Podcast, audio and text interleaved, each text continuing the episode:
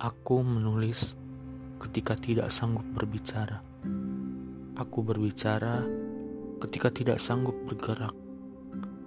Aku bergerak ketika tidak sanggup memberontak. Aku mati jika tidak sanggup apa-apa. Dan selamat datang pada bagian aku sanggup berbicara. Hal-hal baru telah dimulai dan inilah langkah kecil yang aku sanggupkan.